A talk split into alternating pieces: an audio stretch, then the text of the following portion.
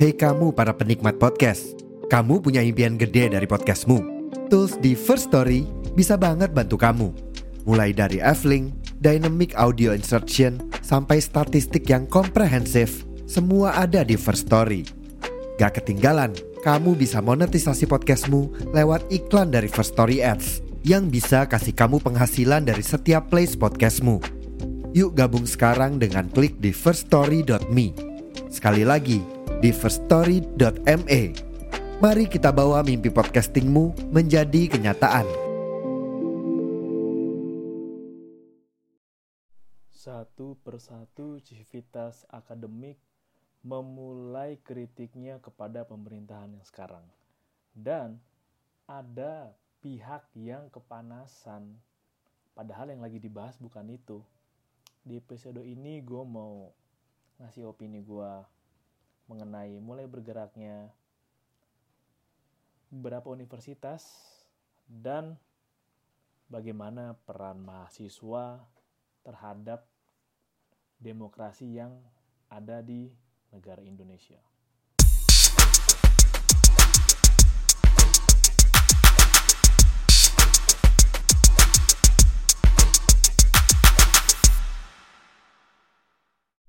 Untuk membuat episode ini gue perlu beberapa waktu karena satu persatu pergerakan dari universitas-universitas perlahan muncul ke permukaan.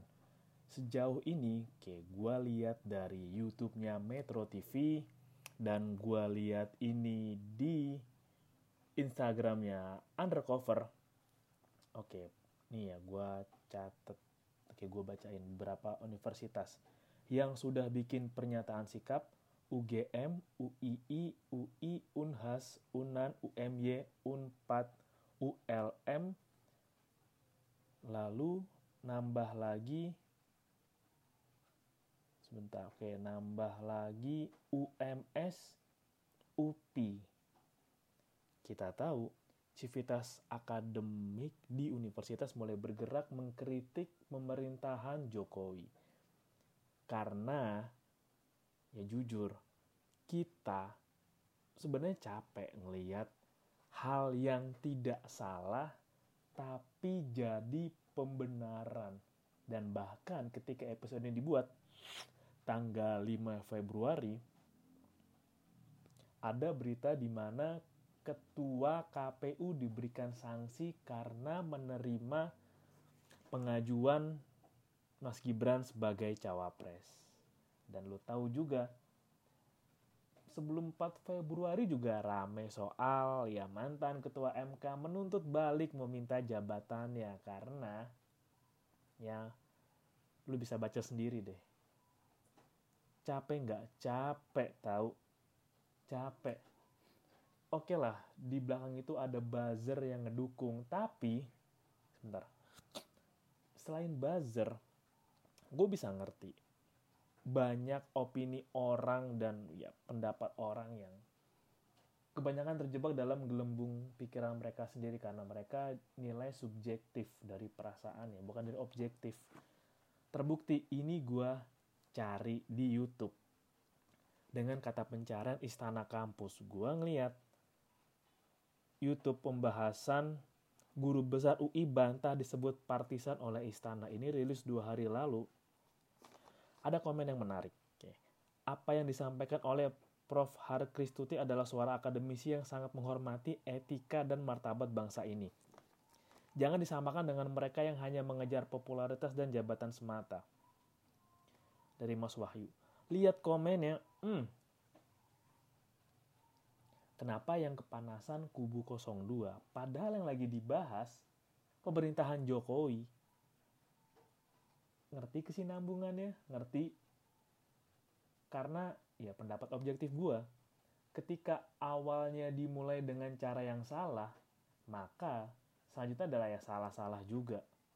Ya jujur dengan pencalonan Mas Gibran yang usianya belum cukup ya ketua MK disangsikan Pak Anwar Usman dan sekarang ngajuin banding lagi jika mengesampingkan oh oke okay lah itu ketua MK kok kan dia punya standar moralitasnya sendiri. Tapi lo kalau ngeliat dari kacamata yang lain, itu bisa dibilang ya ipar atau pamannya Gibran. Paman lo, paman. Kecuali dia nggak ada hubungan darah. Maka kita tahu apa yang Pak Jokowi lakukan seperti membangun dinasti. Bahkan bisa lebih buruk dari Soeharto. Lo tau nggak kenapa? Karena zaman Soeharto nggak pernah ada anaknya Soeharto yang menjabat sebagai kepala daerah. Itu perbedaan mendasar. Mendasar. Emang lo lihat ada anaknya Pak Soeharto yang menjabat kalau katakan uang itu hal yang lain tapi jabatan ingat kan power tends to corrupt absolute power corrupt absolutely dan ya, lu bayangin apa yang bisa orang lakukan dengan jabatan. Kalau dengan uang, ya belum tentu bisa memberikan pengaruh. Tapi dengan jabatan, lain dong. Sorry, cuacanya lagi nggak nentu nih bang. Jir. Show kultur.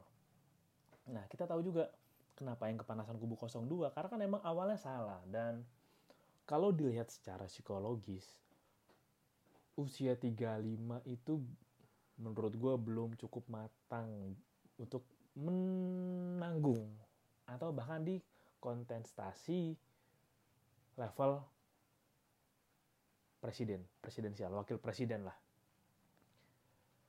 Karena ya gue sering bahas ini Indonesia negara yang luas, luas banget. Ketika gue kemarin ke Malang pun, itu juga gue lihat ternyata tuh jauh dan luas banget loh. Luas banget dan kebijakan negara yang sebesar ini dipengaruhi oleh beberapa orang kecil, beberapa sekelompok orang dan lu diem aja. Why? Why? Oke, terlepas dari itu. Gue bisa kasih beberapa alasan sini yang menurut gue objektif. Kenapa kampus mulai atau baru bergerak sekarang? ibu profesor bilang, nah karena, karena kita udah dibatas, lelah melihat ini semua. Lelah lah. Karena kita tahu ini prosedurnya salah, tapi kok tetap dilanjutin. Pertanyaannya, kenapa bukan orang biasa? Kenapa bukan LSM? Kenapa bukan organisasi sosial lah? Kenapa harus institusi? Dan pernyataan yang nyakitin sih. Gue nggak tahu kenapa istana bisa memberikan kata demikian. Apakah jubirnya tidak di media training atau tidak ada pemilihan kata lain selain ini, tapi dibilang sebagai partisan itu nyakitin sih. Gue yang punya concern sama dunia pendidikan, gue yang seneng dengan ngajar mengajar, terus dibilang partisan, anjir, nggak ada kosakata lain. Kan masih ada dibilang, oh ini apakah ditunggangi atau ada kepentingan pribadi itu lebih masuk akal dibanding partisan.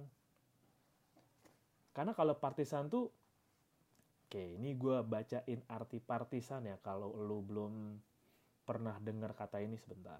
Tadi gue udah sempet nyari oke apa itu partisan dalam bahasa Indonesia? Menurut KBBI online partisan adalah pengikut partai golongan atau paham tertentu.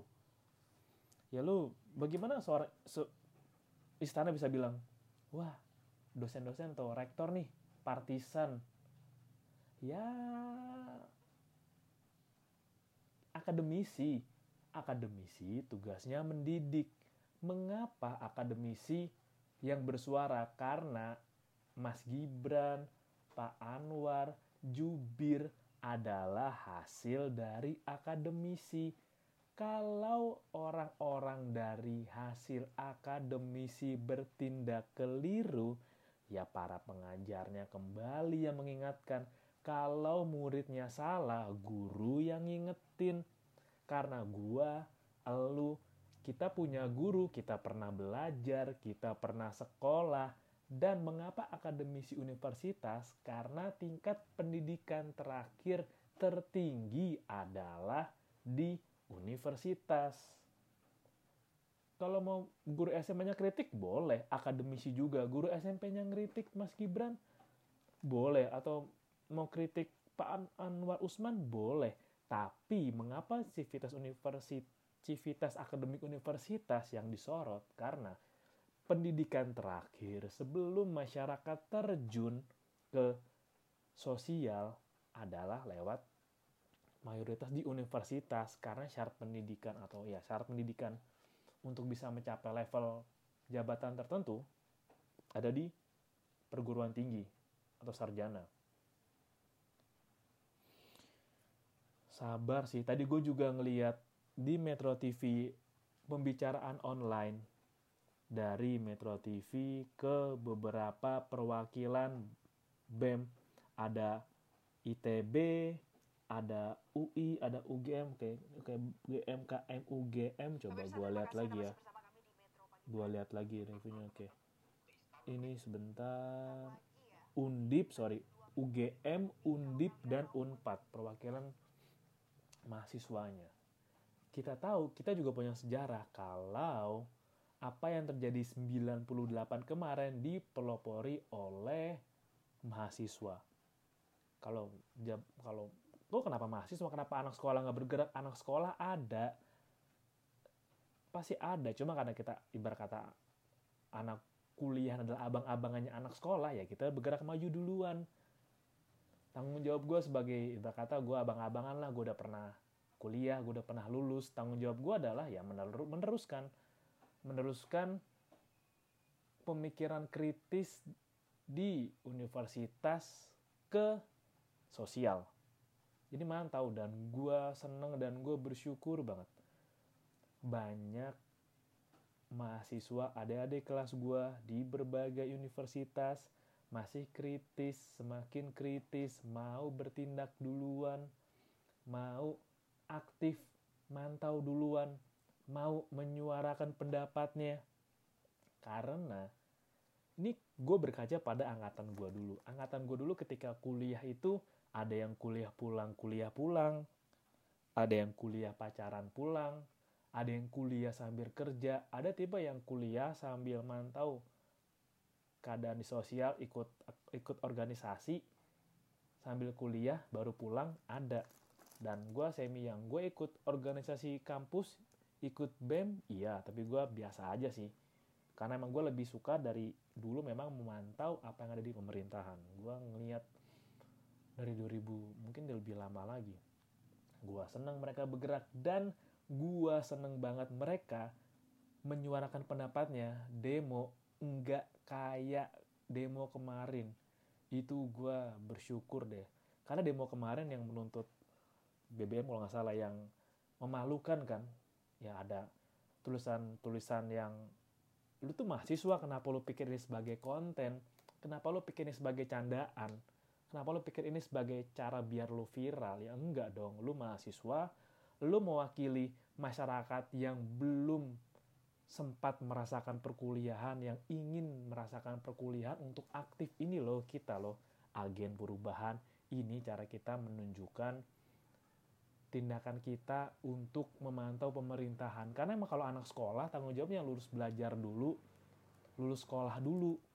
Kalau kuliahan ya lo bisa sambil magang, sosial, komunitas, pilihan lo banyak.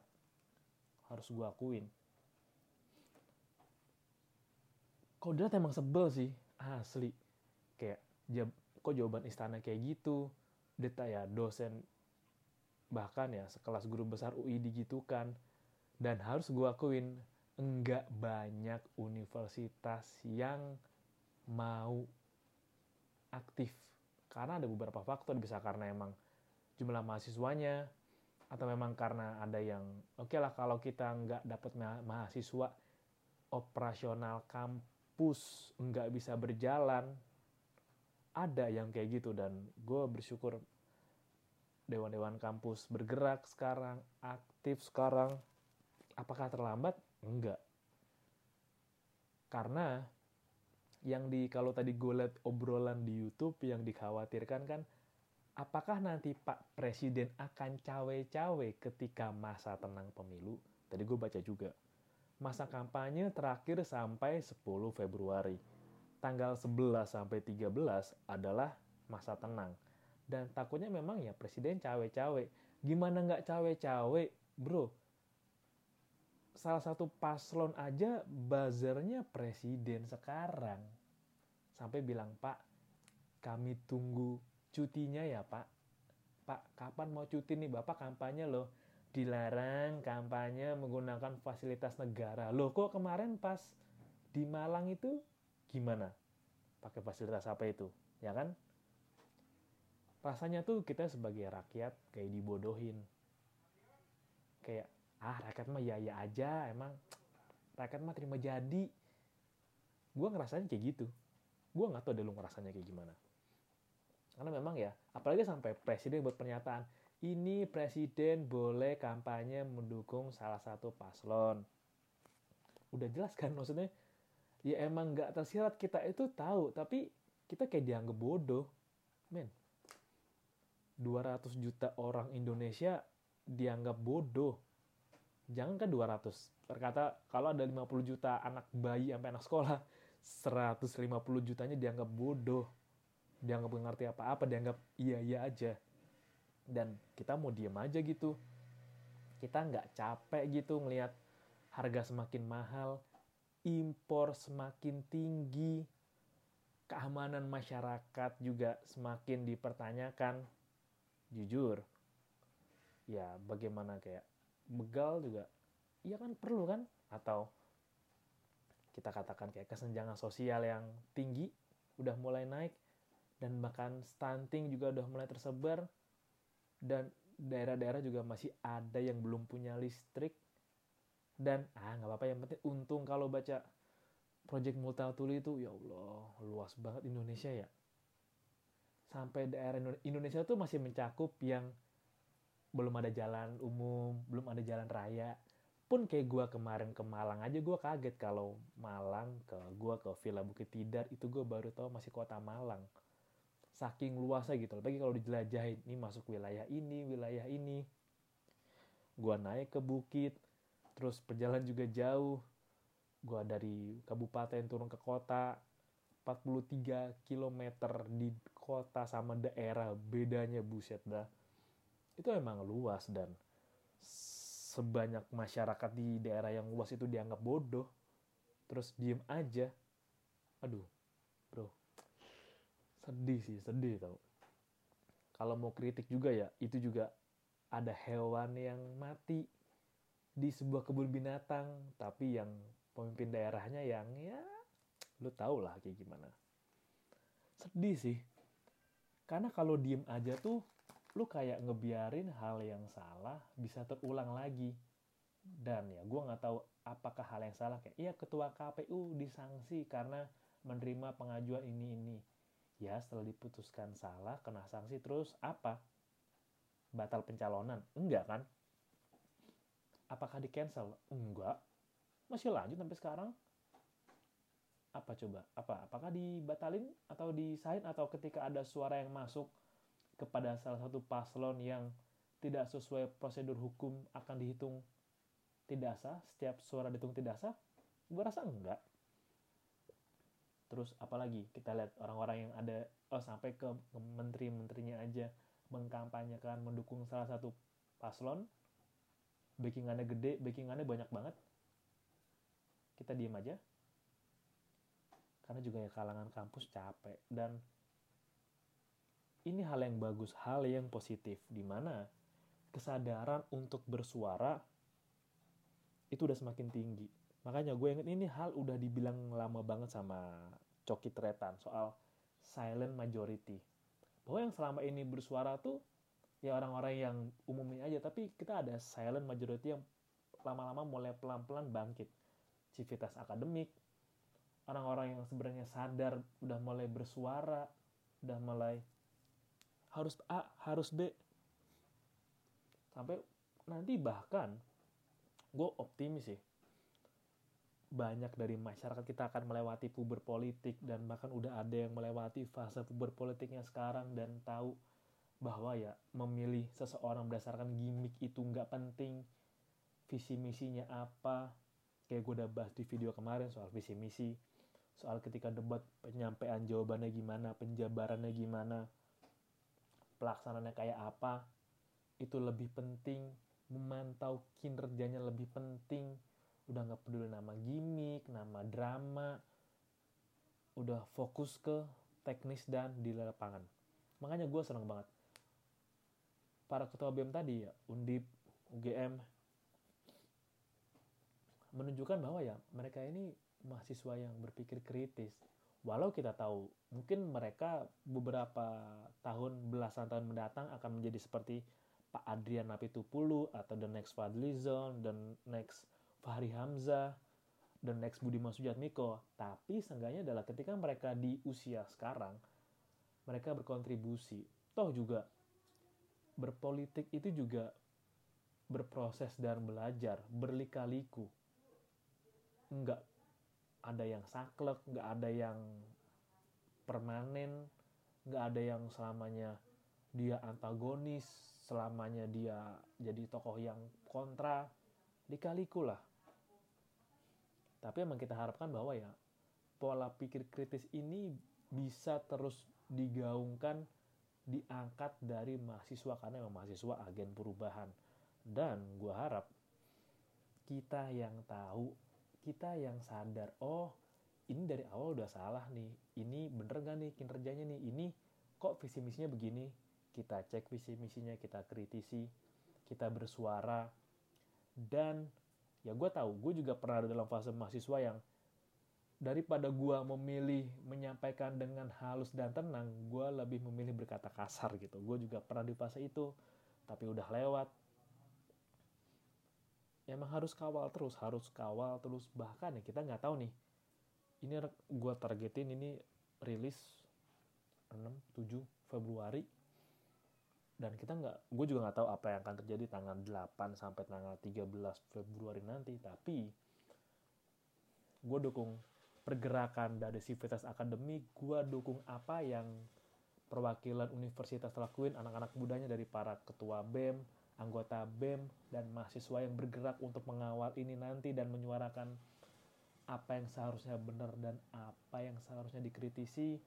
Ya dan gue harap kalau memang kita ingin menjadi negara demokrasi nggak ada pembatasan atau ya pembatasan dan penghilangan karakter agar kita bisa tetap menyuarakan pendapat kita. Karena memang nama juga berdemokrasi juga belajar kunci untuk bisa lebih demokrasi dan lebih berpikiran terbuka adalah kita harus lebih mengenal saudara kita satu sama lain. Seperti kayak kalau lu kuliah di Jogja lu mesti kenal sama teman-teman lu saudara lu yang kuliah di Lampung kuliah di Makassar kuliah di Sulawesi. Kuncinya emang kunci untuk kita bisa demokrasi dan punya hal-hal baik di pemerintahan Indonesia adalah ya saling mengenal. Karena emang Indonesia luas.